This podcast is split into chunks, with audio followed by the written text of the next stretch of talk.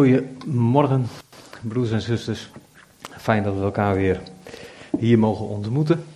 Hier en thuis zie ik nog steeds, dus uh, helemaal goed. Ik vermag alle dingen door Hem die mij kracht geeft. Hebben we net gezongen. Dat is een Bijbeltekst, hè? Weet u ook waar die staat? Gewetensvraag. Filippenzen. En waar? Ja? Nou moet je gokken. 13. Ja. Nee, heel mooi. Het is goed om bijbelteksten op, op muziek te zetten en, uh, en ze dan te zingen, want ja, dan blijven ze natuurlijk veel makkelijker hangen. Hè? Ik wil vanmorgen met u een gedeelte lezen uit Jesaja. Jesaja 55. Daar staat boven uitnodiging tot het heil. Nou ja, als je het doorleest, dan uh, merk je natuurlijk wel dat je hier te maken hebt met een uitnodiging in de richting van het volk van God. En dan met name degene onder hen, ja, die uh, zonder hem wandelen. Maar dat gedeelte dat eindigt ja, ook met iets wat er staat over het woord van God. En dat is uh, waar ik het vooral over wil hebben vanmorgen. Jezaja 55,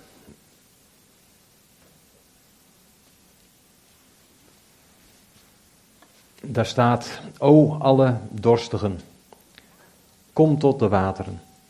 En u die geen geld hebt, kom, koop en eet. Ja, kom, koop zonder geld, zonder prijs, wijn en melk. Waarom weegt u geld af voor wat geen brood is? En uw arbeid voor wat niet verzadigen kan?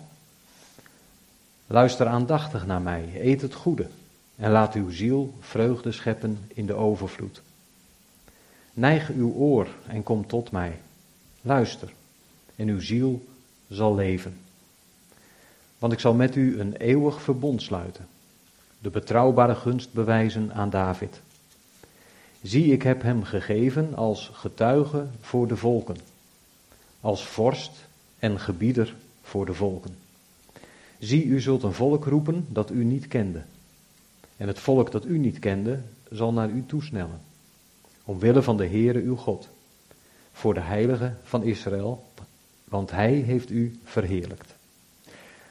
Zoek de Heere terwijl hij te vinden is. Roep hem aan terwijl hij nabij is. Laat de goddeloze zijn weg verlaten, de man van ongerechtigheid zijn gedachten. Laat hij zich bekeren tot de Heere. Dan zal hij zich over hem ontfermen. Tot onze God, want hij vergeeft Want mijn gedachten zijn niet uw gedachten en uw wegen zijn niet mijn wegen, spreekt de Heer. Want zoals de hemel hoger is dan de aarde, zo zijn mijn wegen hoger dan uw wegen en mijn gedachten dan uw gedachten. Want zoals regen of sneeuw neerdaalt van de hemel en daarheen niet terugkeert, maar de aarde doorvochtigt en maakt dat ze voortbrengt en doet opkomen, zaad geeft aan de zaaier en brood aan de eter, zo zal mijn woord zijn dat uit mijn mond uitgaat. Het zal niet vruchteloos tot mij terugkeren, maar het zal doen wat mij behaagt. En het zal voorspoedig zijn in hetgeen waartoe ik het zend. Want in blijdschap zult u uittrekken en met vrede voortgeleid worden. De bergen en de heuvels zullen voor uw ogen uitbreken in gejuich, en alle bomen van het veld zullen in de handen klappen. Voor een doornstruik zal een cipres opkomen, en voor een distel zal een mirt opkomen. En het zal de Heere zijn tot een naam, tot een eeuwig teken, dat niet zal worden uitgewist. Tot zover deze woorden. Ja, we hebben zo net um, ook een paar woorden gelezen uit Romeinen, Romeinen 12, vers 1 en 2. En um, ja, eigenlijk sluit dat hier ook wel op aan. Hè, want het gaat daar over de verandering van denken. Wordt hervormd in uw denken, in uw gezindheid. En hier lees je ook over denken en ook over de weg die je te gaan hebt. Hè, want Jezaja die uh, mag de woorden van de Heer doorgeven. En die woorden die luiden vers 8. Want mijn gedachten zijn niet uw gedachten, uw wegen zijn niet mijn wegen. En de gedachten die hebben met het denken te maken. En de wegen hebben met de wandel te maken. En dan laat de Heer hier zien dat zijn gedachten uh, niet uw gedachten zijn. Zelfs, vers 9, zijn gedachten zijn hoger dan de gedachten van zijn volk. Nou, en als dat voor zijn volk geldt, dan geldt het natuurlijk ook wel voor ons. Uh, dat geldt voor de mensen in het algemeen. Het denken van God is een hoger denken dan het denken van ons. En daarom ja, is het zo belangrijk hè, dat je dat woord leest, want die verbinding met het woord wordt hier ook gelegd, dat je het woord leest, want door dat woord verandert het denken. En ontdek je dat dat denken naar het niveau toe gaat, en dat is een proces hè, in, het, in het christelijke leven, dat het naar het niveau toe gaat van de Heer.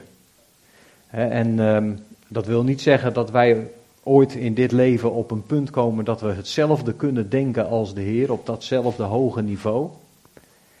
Maar de andere kant is dat dat in feite wel ja, Gods bedoeling is. Dat het daar naartoe gaat. Nou, hier wordt over dat denken gesproken. De gedachten van de Heer die hoger zijn dan de onze. De wegen van de Heer die hoger zijn dan de onze. En uh, ja, hoe dat dan allemaal tot stand komt. Nou, dat heeft iets te maken hè, met wat daar staat in vers 10 en in vers 11. Vooral vers 11. Zo zal mijn woord zijn dat uit mijn mond uitgaat. Het zal niet vruchteloos tot mij terugkeren. Het zal doen wat mij behaagt. Het zal voorspoedig zijn in hetgeen waartoe ik het zend. Dus de Heere, ja, die heeft het hier over het woord. En hij zegt daarover hè, dat dat woord ja, uitgang eh, heeft. Het gaat uit zijn mond. En dan is het dus weg van hem. En op het moment dat het weer terugkeert naar hem, dan staat daar zo bij: het zal niet vruchteloos, andere Bijbelvertaling zegt, het zal niet ledig tot mij terugkeren. Maar het zal doen wat mij behaagt. dus de Heere die zendt zijn woord uit. En dat woord komt ook weer terug. Dat is in feite de grote lijn die je daarin ziet. En ondertussen doet dat woord wat God wel behagelijk is. Nou, dat is eigenlijk um, iets prachtigs als je je dat realiseert um, bij het lezen van de Bijbel. we hebben denk ik allemaal wel de goede gewoonte om Bijbel te lezen.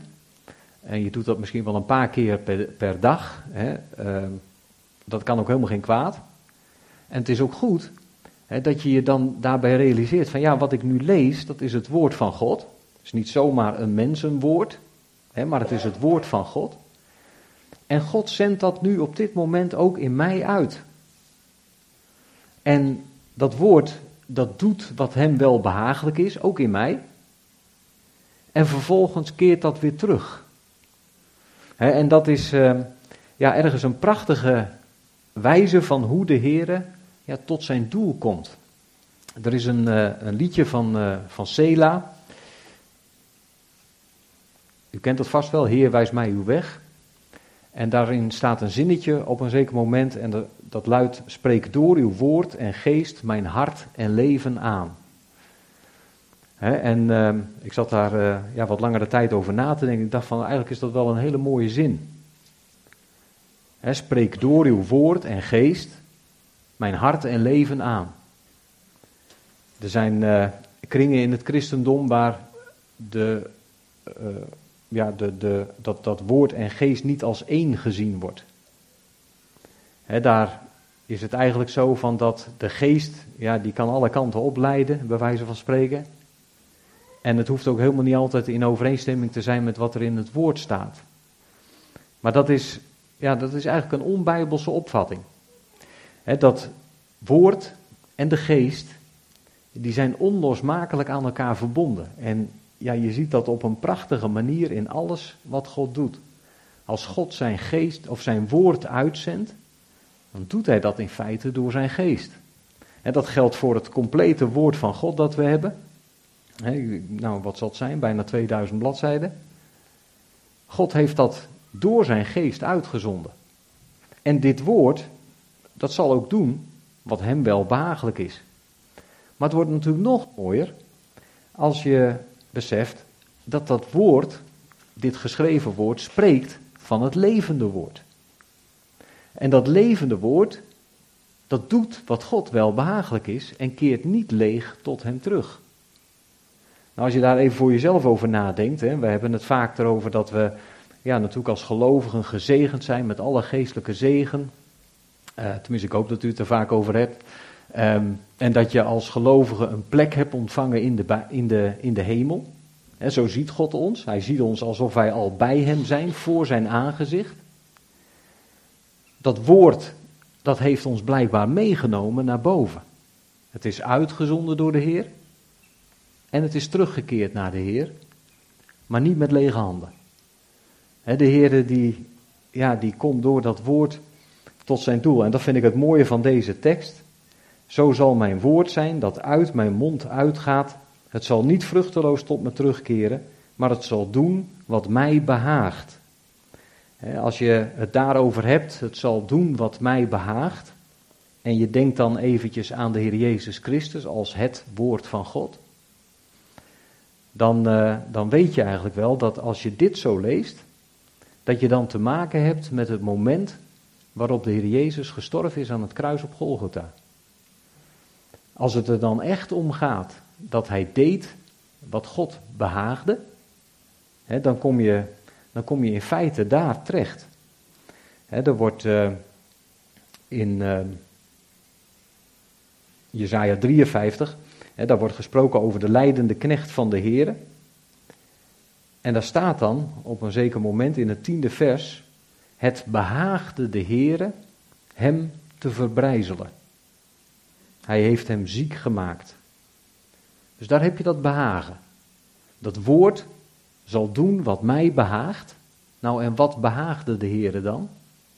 Nou, op dat moment, op het moment dat de redding tot stand moest komen, staat er: Het behaagde de Heere hem te verbrijzelen. En dat is niet dat de Heer daar uh, in die zin een plezier in had om hem te verbrijzelen. Erger kun je het ook eigenlijk niet zeggen. Hè? Je kunt er wat andere werkwoorden voor bedenken, maar verbrijzelen is al erg zat. Niet dat hij daar op zich plezier in had, maar wel dat daardoor zijn welbehagen tot, uh, tot vervulling kwam. Het behaagde de Heer hem te verbrijzelen, hij heeft hem ziek gemaakt. Als zijn ziel zich tot een schuldoffer gesteld zal hebben, zal hij nageslacht zien, hij zal de dagen verlengen het welbehagen van de Heere zal door zijn hand voorspoedig zijn. En daar heb je het, hè? De Heer Jezus Christus, ja, die heeft zijn leven gegeven. En dat was in overeenstemming met het welbehagen, het goeddunken van God. En vervolgens is hij opgestaan uit de dood. En zo kon dat voornemen, het welbehagen van de Heer, zegt Jezaja 53, kon voortgang hebben. Stel je voor dat de Heer Jezus alleen maar gestorven was voor onze zonde. Dan, dan waren wij van de zondeschuld af. Maar als hij niet opgestaan zou zijn, zouden we er nooit van hebben kunnen genieten. Maar hij is juist opgestaan. Hij was immers niet thuis, hij moest nog naar huis. Hij moest terug. Die zoon die uitgezonden was, die moest terugkeren tot de Heer.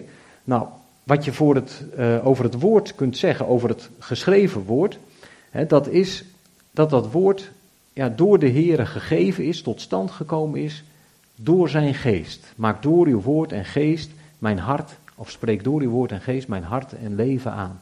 Het is dat de Heer dat allemaal doet door de geest. En dat, ja, dat maakt um, dat heel het wezen van God feitelijk betrokken is bij alles wat hij doet.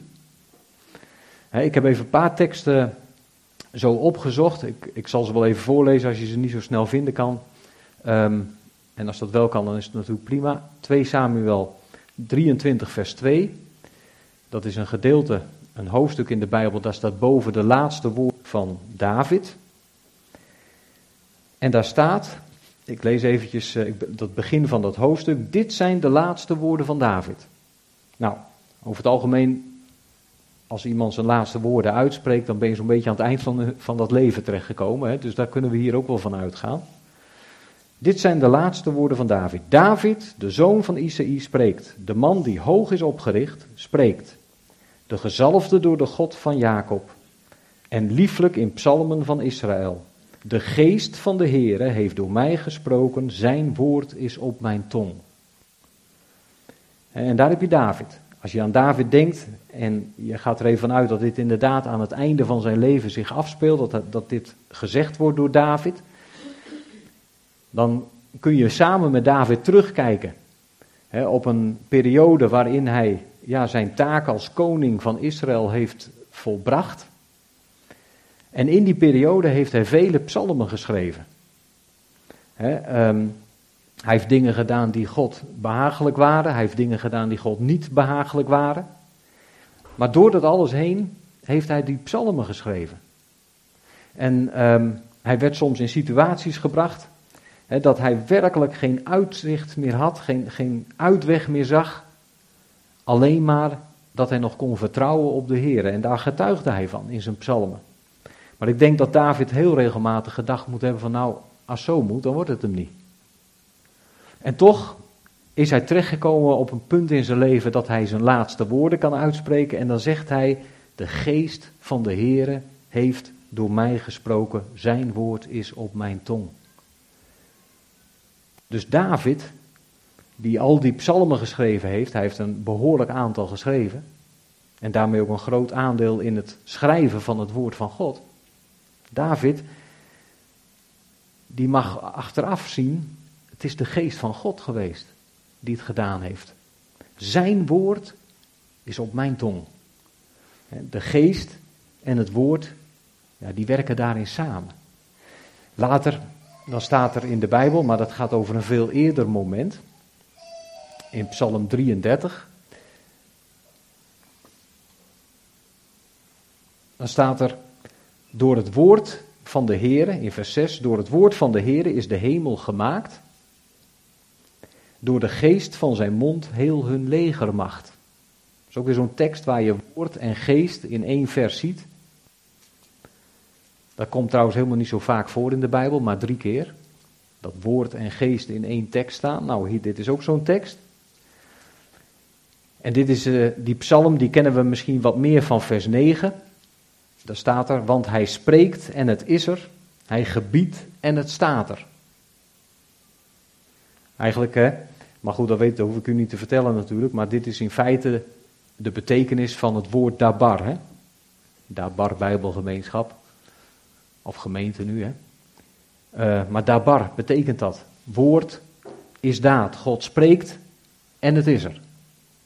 En dat geldt in feite voor alles wat God gezegd heeft. Wat God betreft is dat wat hij zegt, dat is de daad.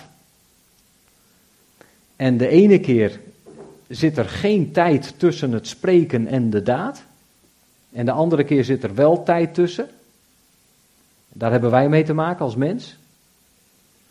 Maar als God iets gezegd heeft, dan gebeurt het absoluut. Nou, door het woord van de Heer is de hemel gemaakt. Hij hoeft het maar te zeggen en het was er. En door de geest van zijn mond heel hun legermacht. Dus God, ja, die heeft gesproken. En hij heeft dat gedaan door middel van zijn woord. Ik wil ook nog een tekst opzoeken in dit verband in het Nieuwe Testament. Het gaat ook over het woord. Um, Even naar Efeze hoofdstuk 3.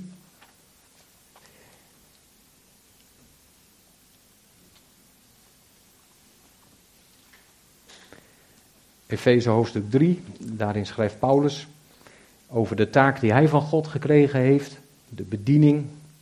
Hij schrijft uh, erover dat de genade van God voor hem ja, zo overvloedig is geweest, hè, dat hij uh, alleen maar in dankbaarheid heeft kunnen doen wat God hem had, had laten doen. Maar hij zegt daar ook, en dan gaat het over de boodschap van de verborgenheid, het geheimenis. Hij zegt in vers 3 dat hij mij door openbaring dit geheimenis heeft bekendgemaakt. En als hij daarover verder schrijft, dan zegt hij in vers 5 dat in andere tijden niet bekendgemaakt is aan de mensenkinderen. dus de Heere God die had dus nog een stukje woord te openbaren. Wat nog niet aan de mensenkinderen bekendgemaakt was, daarom heet dat ook zo, geheimenis. En dan komt er dus een moment in de tijd dat dat geheimenis bekendgemaakt mag worden. Dat gebeurt in en door de bediening van Paulus. Nou, dat zegt hij dus, hè? vers 3, mij is door openbaring dit geheimenis bekendgemaakt. En dan in vers 5, dat in andere tijden niet bekendgemaakt is aan de mensenkinderen, zoals het nu geopenbaard is aan zijn heilige apostelen en profeten. En daar heb je het, door de geest. Dus ook dat laatste stukje in die hele openbaringsgang van God, dat hele uitzenden van zijn woord, wat ondertussen maar moet doen wat hem wel behagelijk is. Daar was nog een laatste deel dat moest nog bekendgemaakt worden. Nou, dat is uiteindelijk ook bekendgemaakt, want dat kunnen we overlezen in de Bijbel. Maar Paulus zegt erbij, het is door het woord. Zo, of uh, door de geest. Zo is het gebeurd. Dat laatste stukje woord door de geest bekendgemaakt. Nou, nog één tekst hè, wat dit betreft. In 2 Timotheus 3.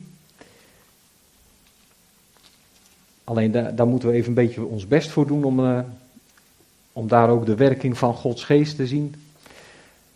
Tenminste, in de woorden die er geschreven staan. Paulus schrijft in vers 14, 2 Timotheus 3, vers 14. Blijft u echter bij wat u geleerd hebt en waarvan u verzekerd bent, omdat u weet van wie u het geleerd hebt. Paulus schrijft dat als dienstknecht van God aan een andere dienstknecht van God. En dat is in dit geval dan Timotheus. Dus dit is niet een brief aan de gemeente, maar dit is de brief aan het kader van de gemeente. Zoals ook eh, de brief aan Titus. Dus schrijft hij aan Timotheus: Blijft u bij wat u geleerd hebt, waarvan u verzekerd bent, omdat u weet van wie u het hebt geleerd, en u van jongs af de heilige schriften kent, die u wijs kunnen maken tot zaligheid, door het geloof dat in Christus Jezus is. dus deze Timotheus die kende van jongs af aan de heilige schriften. Nou, hoe belangrijk is dat? dat je opgevoed wordt met kennis van de heilige schriften. dat is ja, dat, dat is uh, levensreddend. Want ze kunnen je wijs maken tot zaligheid, staat erbij. Dus dat is ook absoluut nodig. Van jongs af aan. Er staat in de um, in Prediker aan het laatste hoofdstuk, daar staat: Gedenk de schepper in uw jongelingsdagen als de dagen kwaad worden. Nou, dan weet je in ieder geval hoe je je gedragen moet. Nou, wij leven in een tijd, en dat bedoel ik helemaal niet uh, zozeer 2021, maar ik bedoel meer de grotere periode waarin we leven, die door Paulus genoemd worden, wordt kwade dagen. De dagen zijn kwaad. Daar hebben we mee te maken. En hoe goed is het dan dat je ja, in feite van jongs af aan al die schriften kent? En dan zeg je misschien van ja goed, die tijd heb ik gemist als mens. Maar weet je, je bent natuurlijk nooit te oud om te leren. Hè? Je kunt wat dat betreft altijd zeggen van jongs af aan. Je bent nu immers jonger dan dat je morgen bent. dus koop die tijd uit. En realiseer je, God zendt zijn woord uit en het doet wat hem wel behagelijk is. Hij komt daarmee tot zijn doel.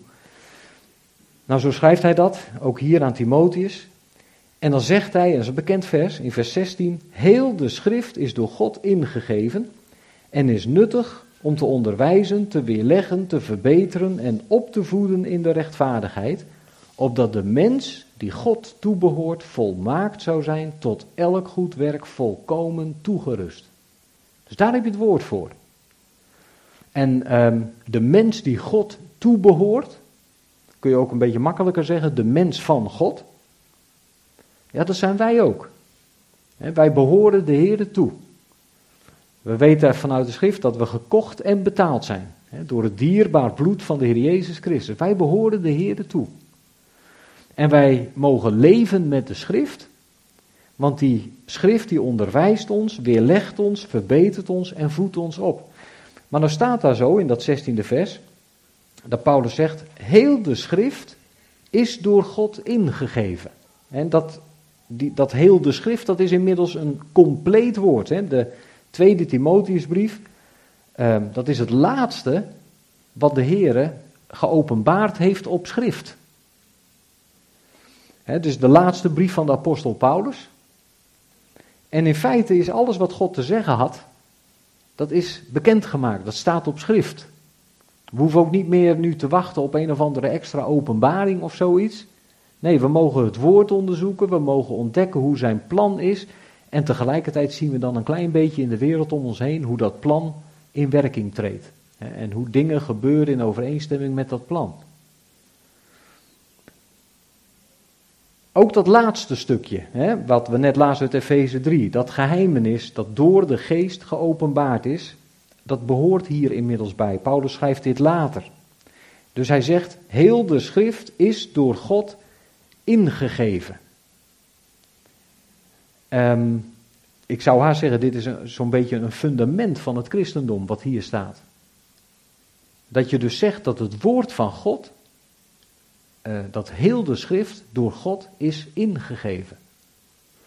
En hier staat oorspronkelijk, voor de woorden door God ingegeven, ook even een beetje moeilijk doen hè. Daar staat een woordje dat luidt theopneustos. Nou, je mag het ook gelijk weer vergeten. Nou, liever niet trouwens. Maar dat theopneustos, dat betekent, daar zit het woordje theos in, dat betekent God. En er zit dat woordje pneustos in, dan heb je het even geknipt. En pneustos komt van pneuma. En pneuma, dat is het Griekse woord voor geest. Pneuma.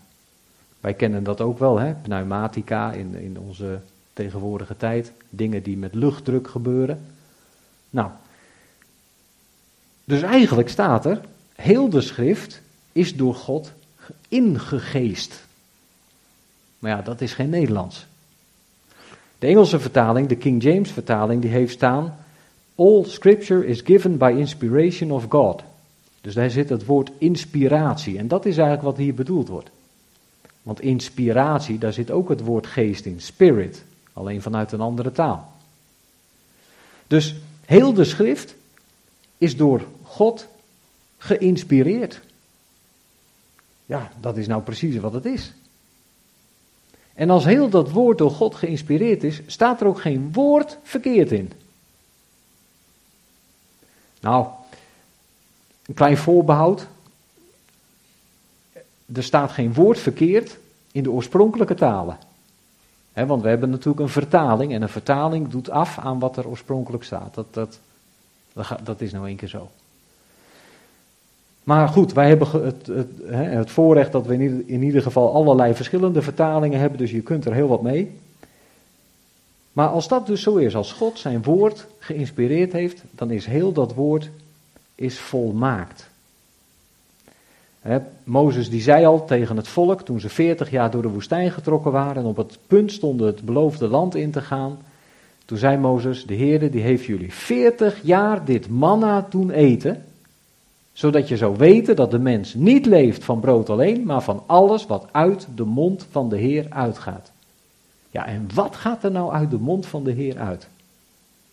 Dat is het woord. En daar leeft de mens van. Met een hoofdletter L. Daar komt het werkelijke leven van. Nou, die schrift is geïnspireerd, is ingegeest door God. Nou, en weet u wat nou ja, eigenlijk zo zo bijzonder is. Ehm, ik heb al gezegd, wat voor het geschreven woord geldt, dat dat van God uitgegaan is, doet wat hem wel behagelijk is en weer terugkeert, niet leeg. Dat geldt ook voor het levende woord. dus dat geldt ook voor de Heer Jezus Christus. En zoals het voor het geschreven woord geldt, dat God dat allemaal door zijn geest heeft bekendgemaakt. Weet je dat dat ook voor het levende woord van God geldt? Als je kijkt hoe de Heilige Geest betrokken is bij de komst van de Heer Jezus Christus in deze wereld, dan denk je van dit is eigenlijk ook ja, zo'n wonderlijke zaak. Dat het inderdaad zo is hè, dat heel het wezen van God inderdaad betrokken is bij het tot stand brengen van het welbehagen van God. Toen de Heer Jezus geboren werd, hè, nou, dat zeg ik fout, toen hij uh, nog niet eens geboren werd, sterker nog, hij was nog niet eens verwekt in de moederschoot. Toen kwam Gabriel al naar Maria toe. En die zei dat de kracht van de Allerhoogste zou haar overschaduwen. En zij zou een zoon baren en ze zou hem de naam Jezus geven. Ik vind dat altijd zoiets moois, hè? Als je nu kijkt in onze tijd, dan, uh, ja, dan, dan is al uh, ver van tevoren bekend als je in verwachting bent uh, wat het wordt. Soms uh, heb je nog mensen die zeggen van nou, dat wil ik niet weten. Ik wacht nog wel even met de babykamer.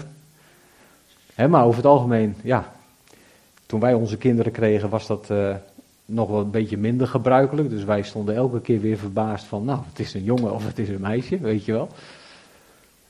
Maar, ehm, maar goed, tegenwoordig, ja, weet je dat van tevoren. Maar 2000 jaar geleden wist in ieder geval Maria al voordat ze in verwachting raakte dat ze een zoon zou krijgen.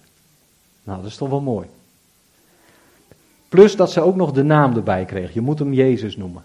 Want hij is het die zijn volk zal verlossen van hun zonde. Dus uh, helemaal klaar. Nou, de kracht van de Allerhoogste.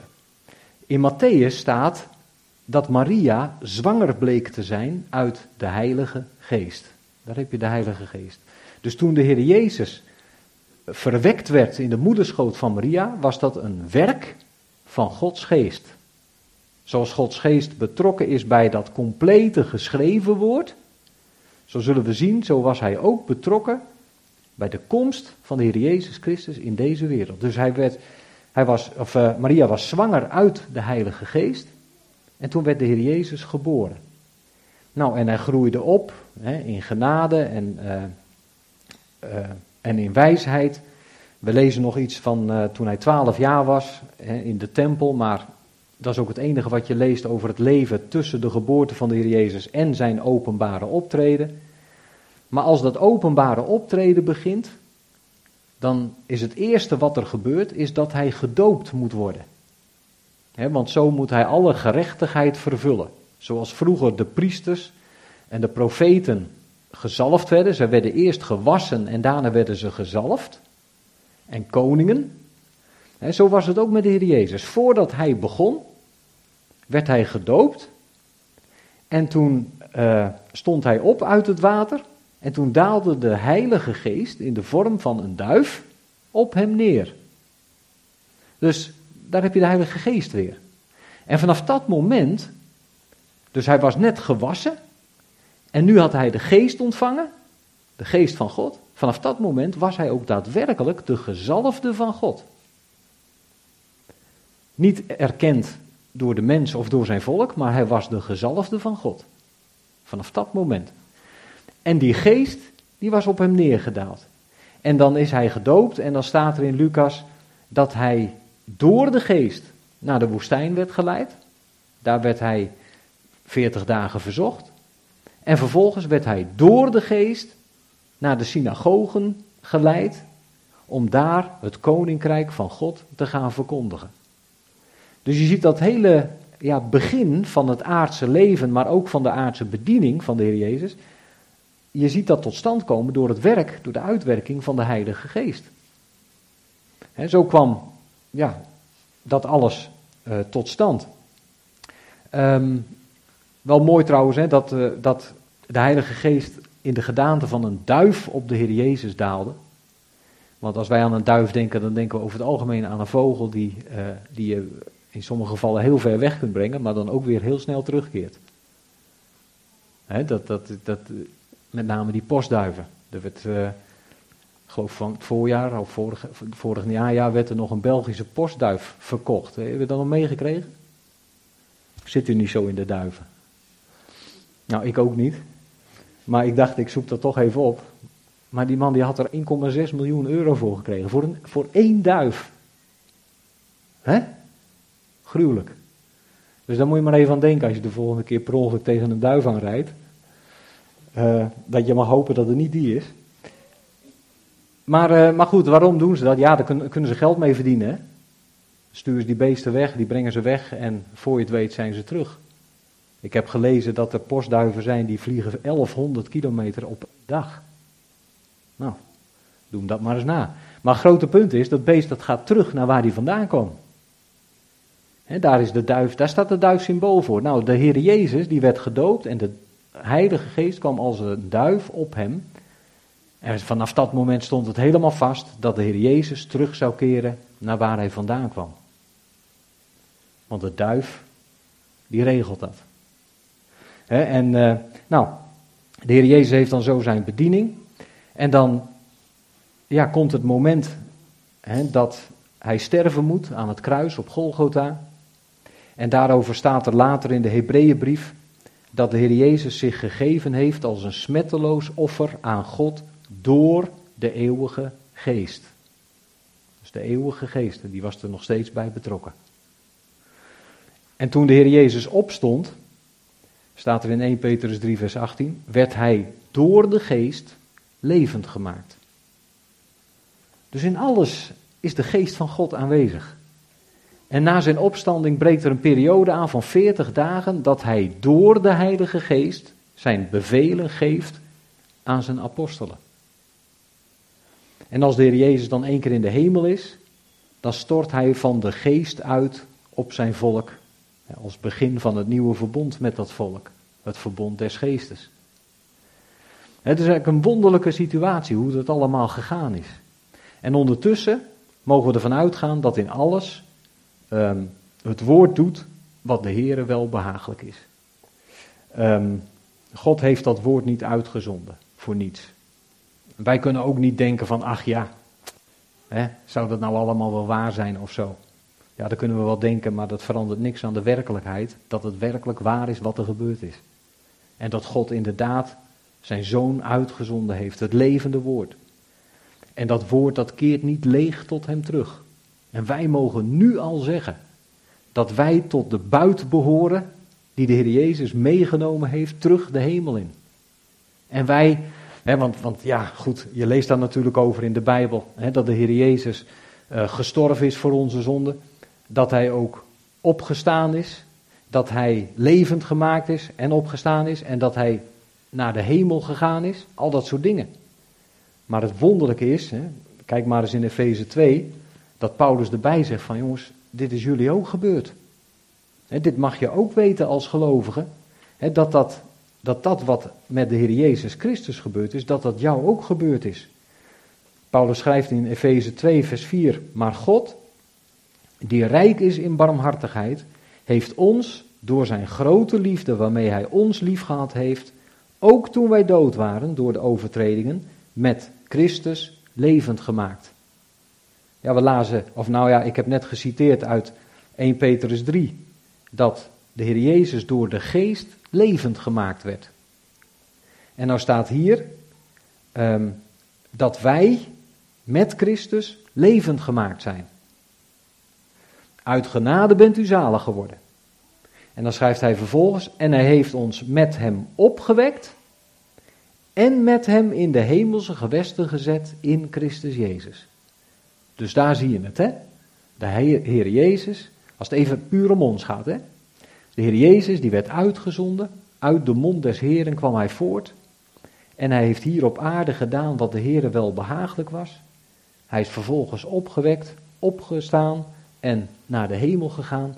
En wij zijn toen meegenomen. En dat is een soort ja, terugwerkende kracht die elke gelovige van nu aangerekend wordt. dat heb je misschien niet, tot, eh, niet helemaal door toen je tot geloof kwam, dat dit allemaal het gevolg was, maar dat, dat, daarom moet je leven met dat woord van God, zodat je daarachter komt.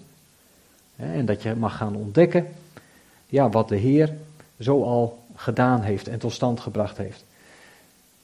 Dus broeders en zusters, dat zinnetje uit dat lied, spreek door uw woord en geest mijn hart en leven aan, dat is eigenlijk wel een heel mooi zinnetje. En als je dat nou weer een keertje zingt, nou dan moet je er maar aan denken dat God door zijn woord en door zijn geest inderdaad werkzaam is in je leven. En misschien voel je er soms helemaal niks van, heb je het helemaal niet door, maar op de lange termijn zul je ontdekken, er is wat veranderd. Benjamin die had het er al over, hoe zou het zijn over twintig jaar als je terug kan kijken? Je durft bijna niet meer twintig jaar vooruit te kijken trouwens. Maar goed, hè? stel je voor en je kijkt terug. Dan ben ik ervan overtuigd dat je kunt zeggen dat als je met de Heer geleefd hebt en met zijn woord, dat je weer een stuk verder bent gekomen in je geloof en in je wandel met de Heer. Door zijn woord en door zijn geest. Amen.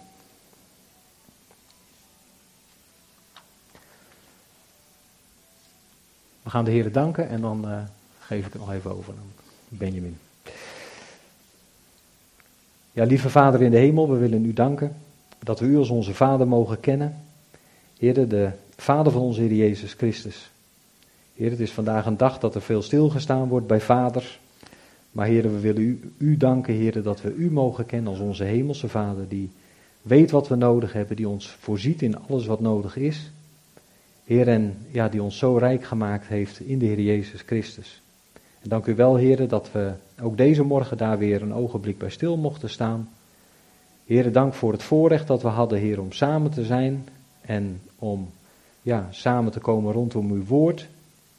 Vader, dank u wel daarvoor. Dank dat we ook mochten luisteren naar wat liederen, Heer, die ja, tot lof van u gezongen werden. Dank u wel, Heer, dat u het alles gebruiken wil in uw dienst. Heer, en geef ons maar het besef, elke keer als we uw woord lezen, ja, dat we niet zomaar een mensenboek aan het lezen zijn of mensenwoorden, maar dat we iets lezen, Heer, ja, wat u geopenbaard hebt door uw Heilige Geest aan mensen. En Heer, dat zij dat opgeschreven hebben en dat wij ja, onder de indruk daarvan mogen komen. We begrijpen het niet altijd. Er staan voldoende dingen in uw woord, Heer, waar we menselijk gesproken misschien wel vraagtekens bij hebben. Maar dat doet niet af, Heer, aan het feit ja, dat u het zo gewild hebt. Heer, en dat u er een bedoeling mee hebt. En daar willen we u voor danken. Heer, dat we in dat geloof en vertrouwen onze weg mogen gaan, samen met u. Dank u wel daarvoor. Heer, en zo willen we elkaar aan u opdragen.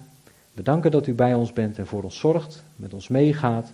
Heer, we danken voor de genade die we ontvangen hebben in de Heer Jezus Christus. En dat we uit die overvloed van dag tot dag mogen leven. We danken daarvoor, Heer, uit genade. Amen.